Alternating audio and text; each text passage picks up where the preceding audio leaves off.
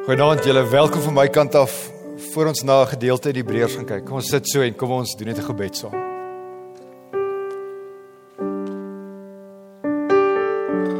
Here ons God, dankie vir iets soos musiek. Here, dankie dat musiek ons help om iets van U te sien.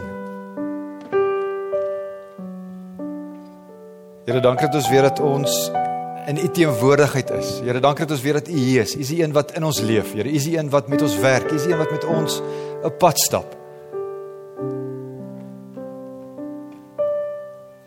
Here, ons is hier met 'n verwagting, Here, ons leef met hierdie met die hoop, Here, dat u die een is, dat u dat u die enigste God is wat met ons kan praat. Here, mag die woorde wat ons vandag in die Nuwe Testament, maar ook in die Ou Testament gaan lees, Here, mag dit lewende woorde wees. Here mag ons die stem hoor, mag ons die stem vir vandag hoor. En Here mag ons weer moed kry, moed vir hierdie week, Here moed vir hierdie semester.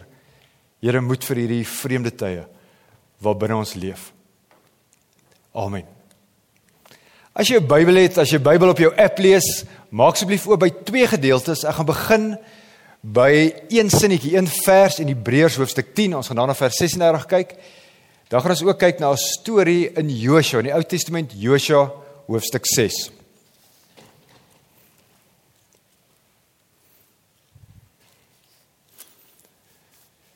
Die boodskap van vandag, die tema van vandag is eld grit. In Afrikaans byt vas, volhard. Moenie moenie daaraan dink om tou op te gooi nie.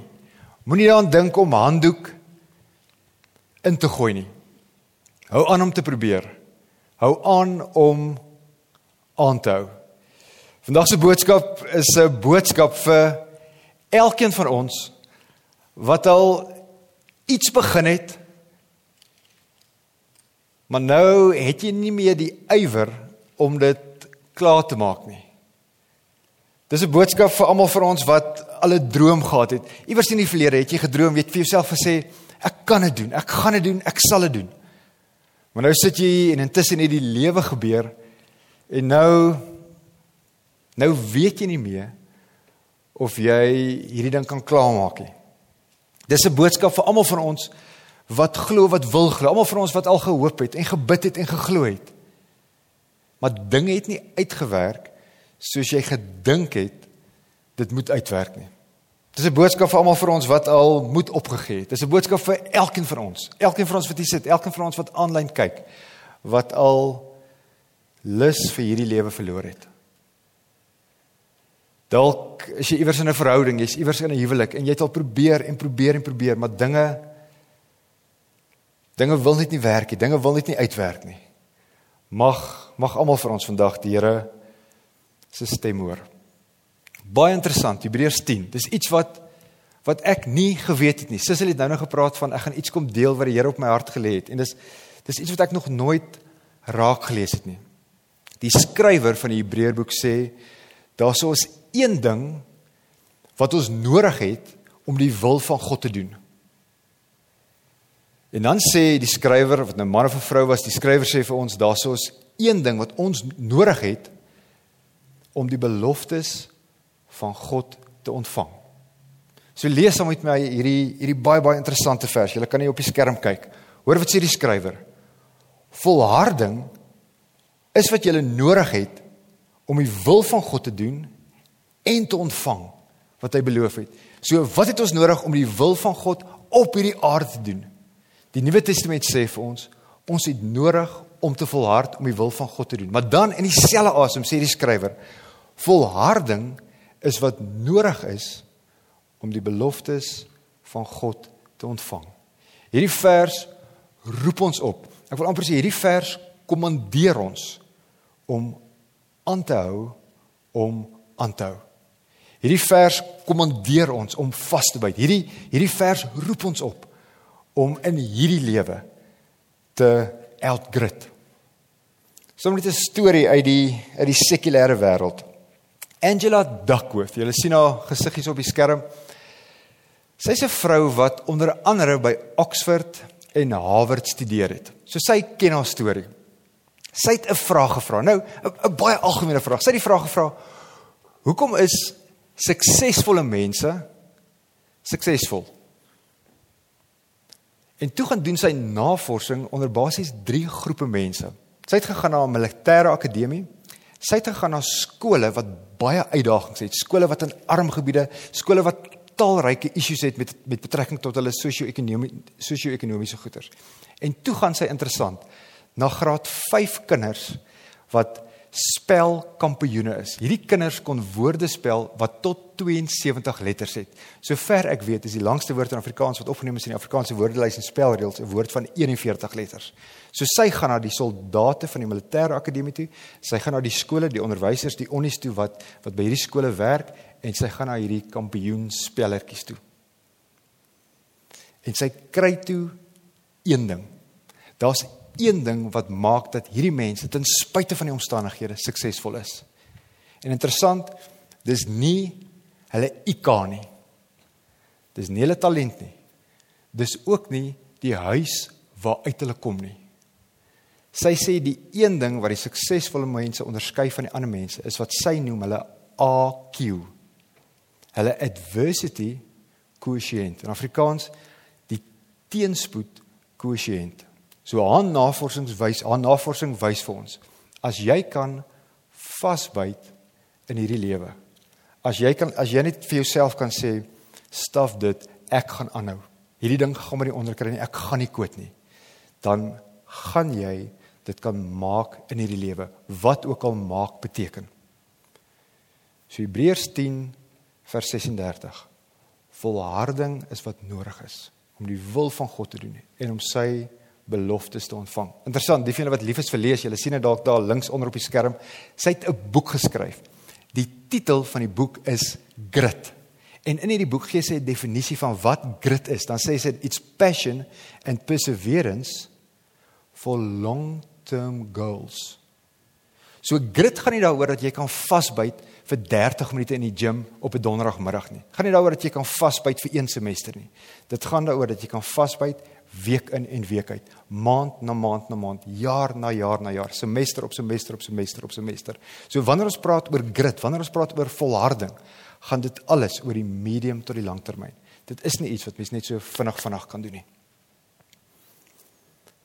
Kom ons kyk na 'n uh, baie baie baie interessante storie in Joshua hoofstuk 6. Dis 'n storie wat almal van ons ken. As jy groot geword het in 'n huis waar 'n ma of pa vir jou die kinderbybel gelees het, dis die storie van die intog van Jerigo. Net so 'n bietjie agtergrond. Die volk Israel was vir basies vir 4 eeue slawe in Egipte. Toe gebruik Here vir Moses om hulle uit Egipte uit te lei. Nou dis baie interessant. Die van julle wat lief is vir geografie, aardrykskunde. Egipte en Kanaan is baie naby aan mekaar. Jy kan dit in 'n paar dae stap. Maar tog het die volk van God omtrent vir 40 jaar geswerf in die woestyn. Wat belangrik is daar, hulle bly in tente. Nou julle weet hoe voel dit as jy vir 'n week gekamp het, jy weet jy hoe voete voel, jy weet jy hoe jou hoe jou vel voel. Jy weet hoe hard dit is, jy weet hoe moeilik dit is as jy nie in 'n in 'n vaste huis bly nie. So vir 40 jaar is hulle in die woestyn. By Joshua 6 het hulle nou al die Jordaanrivier oorgesteek. So hulle is nou al in die beloofde land. Maar hulle bly nog in hulle tente. Hulle het nog nie 'n 'n vaste huis nie. Hulle het nog nie 'n permanente huis nie. En nou gee die Here vir Joshua 'n opdrag. So lees hom met my Joshua 6 vers 1 tot vers 3. Die stad Jerigo was toe. Die poorte was gesluit sodat die Israeliete nie kon inkom nie. Niemand het uit die stad gegaan nie en niemand het ingekom nie. Die Here het en nou stop gou saam met my want hier is iets wat ek nooit geweet het nie. Daai daai woorde vir Joshua is van die belangrikste van die hele hoofstuk. Die Here het vir Joshua gesê, so hy het nie met die volk gepraat nie, hy het net met die leier gepraat. Die Here het vir Joshua gesê: Luister na my. Ek gee Jerigo vir jou en ook sy koning en sy soldate. Julle sal hulle oorwin. En nou hierdie bekende storie uit ons kinderdae uit. Julle moet om die stad loop. Almal wat kan oorlog maak. Julle moet 6 dae lank elke dag eenmal om die stad loop. En julle julle ken die storie, spoiler alert. Op die 7de dag wat moes toe gebeur? Hulle moes 7 keer om die stad loop en toe val die mure in. Op hierdie stadium en ek gaan dit 'n paar keer herhaal vanaand. Op hierdie stadium is dit net Joshua wat weet dat hulle die stad gaan inneem. So die Here vra vir hierdie hierdie klomp Israeliete. Hy vra vir hulle om nog 'n paar dae te volhard. 'n een Eenvoudige, eenvoudige opdrag. Stap een keer 'n dag om die stad. Dan wag jy in die kamp. Dag dag 2 nog 'n keer, dag 3 nog 'n keer. Ons almal ken dit. Dis dis al wat die Here vir hulle vra. Dis al wat hulle weet. Die Here het vir Joshua gesê op dag 7 gaan julle die stad inneem, gaan julle oorwin. So hou dit in gedagte. Die mense wat om die stad gestap het, het nie geweet dat hulle die stad gaan inneem dat die Here hierdie stad vir hulle gaan gee nie. So nou is die vraag en wanneer ons stories in die Ou Testament lees, moenie moenie dink dis in die eerste plek geskiedenis nie. Die Bybel is die is die heilige skrif. God kom aan die woord deur die stories. Maar dis dis ook meer as dit. Hierdie stories is my en jou stories.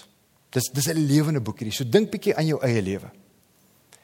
Die Here vra vir hulle om iets te doen. Hulle weet nie wat die uiteinde gaan wees nie. Nou is die vraag 2021. As jy dink aan jou eie lewe. Hoekom hoekom is dit so moeilik om gehoorsaam aan die Here te bly? Julle ek is vas oortuig, soos jy soos jy hier sit, soos ek hier staan, is daar iets wat die Here van jou vra. Die Here vra vir ons iets om te doen. Baie keer is dit iets wat die Here wil hê ons moet nie nie meer doen nie. Maar in hierdie lewende verhouding gee die Here aan ons opdragte. Hoekom? Hoekom is dit vir ons so moeilik om te volhard? Hoekom is dit so maklik om op te gee? Ek gaan vanaand net so so 'n paar perspektiewe met julle deel. En moenie net moenie net na die diens luister nie, moenie net kyk nie. Dink saam met my en dink aan jou eie lewe, die afgelope 5 jaar, die afgelope 10 jaar en hoor of jy nie jouself hoor in hierdie dinge nie. So hoekom is dit vir ons so moeilik? Hoekom is dit vir ons as disippels van Christus so moeilik om te verhaal, te volhard? Die eerste rede is, julle ons is mens, met ander woorde, ons perspektief is uiters beperk. Ons kan nie sien soos wat God sien nie. Dink aan hierdie storie, dink aan hierdie soldate. Hulle stap om die stad. Hulle kan letterlik nie die stad sien nie. Hoekom nie? Want die mure is te hoog. So op dag 1, wat sien hulle? Mure. Dag 2, wat sien hulle? Mure. So hulle hulle weet nie hulle gaan die stad inneem op dag 7 nie en hulle kan gewoon net nie oor hierdie mure sien nie. So hoekom hoekom sukkel ons om te volhard? Hoekom sukkel ons om vas te byt? Want ons perspektief is dikwels uiters beperk. Kom ons sê jy jy die beste voornemens. Kom ons sê jy sit jy's jonk en jy jy het net te veel skuld. Om een of ander rede het jy net te veel skuld aangegaan. En nou sit jy met hierdie droom, hierdie visie, hierdie hierdie doelwit dat jy jou skuld moet verminder.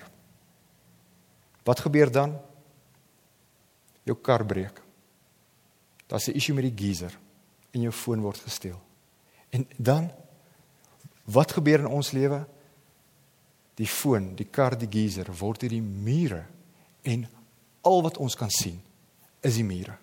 En ons sien nie meer die beloftes van God nie. Of dalk is daar iewers in jou lewe, baie keer in jou familie is daar hierdie issue en jy het die beste voornemens om hierdie verhouding te herstel. Jy voel selfs die Here sê vir jou man gaan drink koffie. Maak 'n afspraak en en kyk of jy nie weer kan vrede bewerkstellig nie. En dan sê die persoon ja. Hulle begin te gesels. Maar dan wat gebeur? Dit raak 'n bekleierery. Julle begin mekaar te blameer, julle verwyd mekaar en voor jy kan sien is daar chaos in hierdie verhouding. En wat sien ons dan? Dan sien ons net mure en mure en mure. Die die storie van Josua 6 is ook is ook ons storie. Interessant in in 2 Konings hoofstuk 6 is daai die verhaal van Elisa en sy slaaf.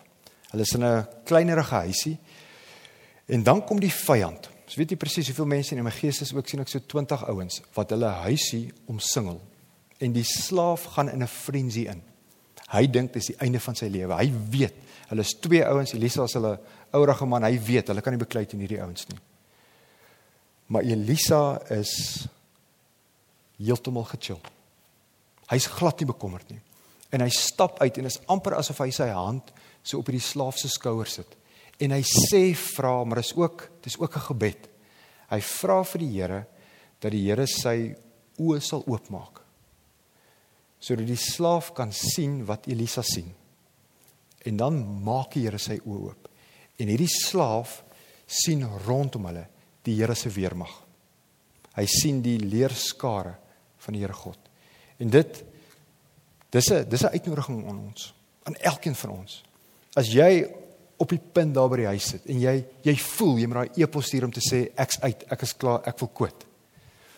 Bid tot die Here en vra vir die Here, Here, help my om te sien soos wat U sien.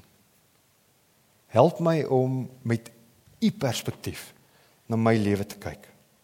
Dis 'n dis 'n geloofsvaardigheid. Dis 'n skill wat ons as kinders van die Here moet aanleer. Here, help my om te sien soos wat U sien. Gelowige of ongelowige. As ek vir julle die vraag sou vra, wie van julle wie van julle wil God sien? Wie van julle sal God wil sien? Ek dink ek dink meeste van ons, of jy nou glo of nie wil of nie glo nie. Ek dink meeste van ons sal God wil sien. Ek dink meeste van ons sal wil kyk soos wat God kyk. Interessant. In Matteus sê Jesus iets en dit is soos dis soos 'n stukkie aas wat hy uitgooi. Dis asof hy ons asof hy ons wil naderlok. Hy sê: Geseënd is die wat rein van hart is, want hulle sal God sien. Hoor hy woorde. As ons ons binnekante skoon hou, sal ons God aan die buitekant kan raak sien. Ons sal God kan raak sien in ons eie lewe. Ons sal God kan raak sien in hierdie land van ons. Met ander woorde, ons moet doodseker maak die regte goed kom in ons lewe in. En as ons dit doen, as ons op ons pos is om wag te hou met dit wat in ons inkom, as ons binnekant is skoon, dan gaan ons God aan die buitekant kan raak sien. Interessant, ons ons gee ook dikwels op omdat daar goed is wat ons gewoon net nie weet nie. As jy aan jou jou eie lewensverhaal dink, die afgelope dekade, die afgelope 10 jaar. Van tyd tot tyd, as jy dink, hoekom het jy nie vir die lede opgehou? Hoekom het jy net te vinnig handdoek ingegooi? Dan het ons dit dikwels gedoen omdat ons perspektief beperk was. Ons het nie goddelike insig in daai oomblik gehad nie. Die Here Gees, soos ek nou nog gesê het, hy gee aan elkeen van ons hierdie hierdie opdragte. Ons staan in verhouding met die Here. Wanneer ons 'n opdrag van die Here kry, moet ons doen wat hy vir ons gesê het. As ons reageer op die stem van die Here, kom die Here sonder nou om airy fairy te wees, dan kom die Here en hy doen wat net hy kan doen. Dan kom die Here en hy gryp in op 'n bonatuurlike manier. Een storie, almal van ons ken daai storie, Johannes hoofstuk 2. Jesus en sy disippels is by 'n bruilof. Nou die bruilofte in daai tyd was baie lank, dit was baie keer tot 7 dae lank en die wyn raak op. Nou dit was 'n dit was 'n hengse embarrassment vir die bruidegom, vir die man. Jesus se ma, Maria weet dit. So sy weet Jesus gaan nou iets kan doen. Maar Jesus het nog nooit 'n wonderteken verrig nie. Al wat sy weet is Jesus kan iets doen. En dan sê sy vir Jesus se disippels. Hoor nou hierdie woorde. Johannes 2. Wat hy ook al vir julle sê om te doen, moet julle doen. So sy weet nie wat gaan gebeur nie. Sy sy, sy weet nie wat Jesus gaan doen nie. Al wat sy weet is absolute gehoorsaamheid is van kardinale belang. En dan wat sê Jesus vir hulle? Maak die kanne vol water. Dis wat jy kan doen. Hulle was gehoorsaam. Hulle gemaak hierdie hierdie kanne wat omtrent so 100 liter kon hou. Hulle gemaak daai kanne vol water. En omdat hulle gehoorsaam was, kom Christus, kom die Here God en hy doen wat net hy kan doen. Hy verander die die water in die wyn. So wat kan ons as kinders van die Here doen? Wanneer jy voel dis nou genoeg. Ek het nou genoeg gehad. Ek is ek is klaar met hierdie ding. Dan kan ons fisies na ons kamer toe gaan en net tot die Here bid en sê Here, U weet my my perspektief is beperk. U weet, ek weet nie wat U weet nie. Kom Here, kom kom skenk aan my u insig. Kom skenk aan my u wysheid. Jakobus 1, die broer van Christus in die eerste hoofstuk van hierdie brief wat hy geskryf het, In die eerste hoofstuk sê hy God se wysheid is tot ons beskikking. Ek deel met met julle 'n uh, tweede laaste perspektief. Dan gaan ek vir ons so afsluit. Lees saam met my Josua 6 vers 10 en vers 11. Dit is so interessant. Weereens ek wil dit herhaal en herhaal en herhaal. Die manskappe het nie geweet dat hulle op dag 7 die stad gaan kry nie. So hou dit in gedagte. So Christus die Here vra vir hulle geef my nog byt my vas nog vir 6 dae Joshua het die manskappe beveel. Julle moenie skreeu of 'n geluid laat hoor nie. So wanneer julle nou elke dag om die stad stap, hou julle monde. Nie 'n woord moet uit julle mond kom voor die dag wat ek vir julle sê skreeu nie. Dan moet julle skreeu. Joshua het die ark van die Here toe om die stad laat gaan. Toe dit eenmal om was, het hulle na die kamp toe teruggegaan en die nag in die kamp deurgebring. So die opdrag wat ons wat ons hierso kry in vers 10 is is bly stil. Julle klomp soldate wat om die om die stad gaan stap, sit julle vingers op julle monde. Julle sien dit daar in die teks, nie 'n woord nie. Nou, moenie dink Joshua was 'n was 'n sagte man nie. En dis 'n klomp soldate was man, so hy hy het verskeidelik vir hulle gesê: "Shut up." Julle julle snoer julle monde. Nou is die vraag. En dis die vraag ook vir ons lewe. Hoekom Hoekom het hy dit gedoen? Hoekom het Joshua vir hierdie ouens gesê wanneer julle om die stad stap moet met niemand maar niemand praat nie. Joshua het waarskynlik geweet ons mond is dikwels ons grootste vyand. Dink aan jou eie lewe. Dink aan jou familielede se lewe. Dink aan hierdie gesprekke wat ons dikwels met onsself in die aand voer. As die soldate toestemming gehad het om te gesels. Wat sou hulle vir mekaar gesê het? Hulle is waarskynlik vir mekaar goed gesê het soos Hierdie is stupid. Hierdie is useless. Hierdie een keer een keer 'n dag om die stapstad is die domste ding wat ek al in my lewe gedoen het. Hulle sal waarskynlik vir mekaar gesê het Joshua het sy kop verloor. Hy was nou al bietjie te lank in die son hier in die woestyn. Hulle het vir mekaar goed gesê soos man, as as God ons wou red, sou hy dit al lankal gedoen het. My kom nie. En dan sou hulle begin sê, ek is uit. Ek koot. Hier is nie vir my nie. Hier is my hier is my badge. Ek tree uit die weermag uit. Joshua is nie is nie meer my leier nie.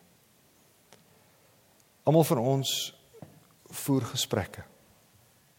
En almal van ons kry dit reg om onsself uit dinge uit te praat. Ons moet 'n 'n vaardigheid aanleer. Ons moet leer om vir onsself te sê hou jou mond. Ons moet leer om vir onsself te sê shut up. Ons is verskriklik goed daarmee om onsself te oortuig en te oortuig en te oortuig. En voor jy weet, het ons handdoek ingegooi. Voor ons weet, byt ons nie meer vas nie. Sommige net 'n laaste laaste perspektief. Hoekom hoekom is dit so moeilik om om vas te byt? Hoekom is dit so moeilik om moed te hou en moed te hou en moed te hou? Ons sukkel daarmee want ons vordering is nie altyd sigbaar nie. Dink gou vir 'n oomblik aan hierdie klomp soldate wat eendag om die stad moet stap. As hulle geweet het Dag 1 is verby. Daar's nog net 5 dae oor. Op dag 6 of dag 7 in hierdie geval neem ons die stad in. Sou hulle makliker moet gehou het.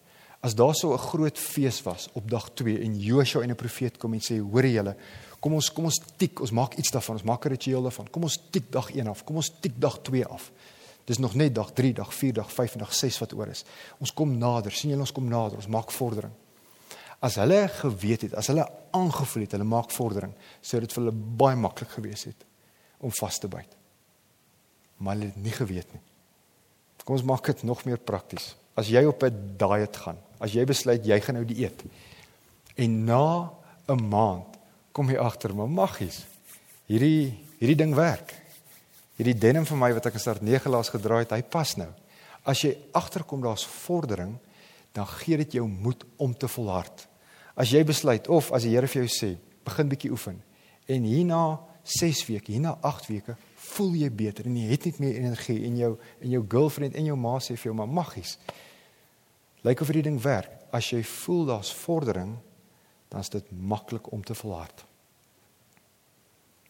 Baie persoonlik, elkeen van ons se lewe, die van julle wat ongetroud is, julle weet so goed soos ek. Julle weet beter as ek. Die Here verwag van ons, die Here verwag van jou as jy ongetroud is om seksueel rein te leef. As jy vanaand hoor teen middel middel Julie volgende jaar ontmoet jy jou droomvrou of jou droomman. Iemand wat mal oor jou is en jy gaan mal oor hierdie persoon is. Weet jy so goed soos ek, jy sal kan vasbyt. Hoekom hoekom sukkel ons om die lewe te outgrit? Hoekom sukkel ons om moed te hou? Want ons vordering is nie altyd sigbaar nie. Nou is die vraag: Wat doen die Here op dag 1 en dag 2 en dag 3 en dag 4 en dag 5 en dag 6 van ons lewe? Wat doen die Here as ons perspektief beperk is? Wat doen die Here as ons nie ons eie vordering kan sien nie? In daai tye is God die een wat geloof in ons bou. 2020, 2021 was moeilike jare. Dit was taaf, dit was vreemd. Van ons wat hier sit was nog nooit so eensaam in ons lewe nie. Almal van ons is onseker. Van ons is beangs, van ons is angstig. As die Here vir jou 'n opdrag gegee het, as die Here met jou gepraat het, is die beste ding wat jy kan doen, byt vas. Stick it out. Bly by dit wat die Here vir jou gesê het. Dalk is jy nader as wat jy dink. Dalk is die uitkoms, dalk is hierdie belofte wat God vir jou wil gee, baie nader as wat jy dink. Laaste storie dan doen ek vir ons 'n gebed. Julle sien die foto daar van Florence Chadwick. Florence Chadwick was in die 1940s en die 1950s 'n briljante swemmer. Sy was die Tatjana van van van Amerika. Sy is die eerste vrou wat die Engelse kanaal vanaf Engeland se kant sowel as van Frankryk se kant kon swem. Interessant, sy het op 'n stadium die mans rekord gehad. So sy sy kon swem. In Engels 'n long distance swimmer. Op 'n dag. Dit was op 4 Julie 1952. Pak sy 'n swemtog van meer as 40 km aan. Nou, ek besef ons is online met. Wie van julle raak moeg as jy deur Virgin Active se 25 meter swembad swem? Alraai. So 40 km is nie 'n grap nie. Sy wil swem daar tussen Kalifornië en 'n groep eilande. Geen vrou kon dit nog regkry nie. Daai dag was daar baie mis oor daai deel van die wêreld. Daar het verslag gekom dat daar haie in die water gesien is en om een of ander rede die wetenskaplikes sou dit kon verklaar was die water baie kouer as gewoonlik. Hierdie superster swemmer swem en sy swem en sy swem en sy swem uiteindelik vir 15 uur. En op 'n stadium sê sy vir haar mense in die bootjie. En onthou, water is yskoud. Hulle kan niks meer sien as gevolg van die digte mis wat na 15 ure oor die see gesak het nie. Op stadium sê sy vir haar span in die bootjie: "Ek is uit. Ek kan nie meer nie." Sy sê in 'n onderhoud na die tyd, sy het so koud gekry. Sy het soos 'n ysberg gevoel. Sy sê as jy is as jy 'n ysblok is, kan jy nie swem nie. En hulle sê vir haar, hou aan, hou aan, hou aan, maar hulle kan ook nie sien nie. En kort verlang ooreed sy hulle en hulle tel aan die bootjie. Toe kom hulle agter. Hulle is 800 meter van die oewer af. Maar hulle kon die oewer nie sien nie. Haar vordering was nie vir haar sigbaar nie. Twee maande later sê sy vir, vir 'n joernalis, as sy maar net geweet het hoe naby sy is, sou sy vasgebyt het. Kerk sonder mure, vriende van kerk sonder mure. Hou die moed. Elk grit byt vas. Dalk is jy nader as wat jy dink. Amen. Ons Here Here, ons is mens en U is God. Here, U weet hoe moeilik hierdie lewe is.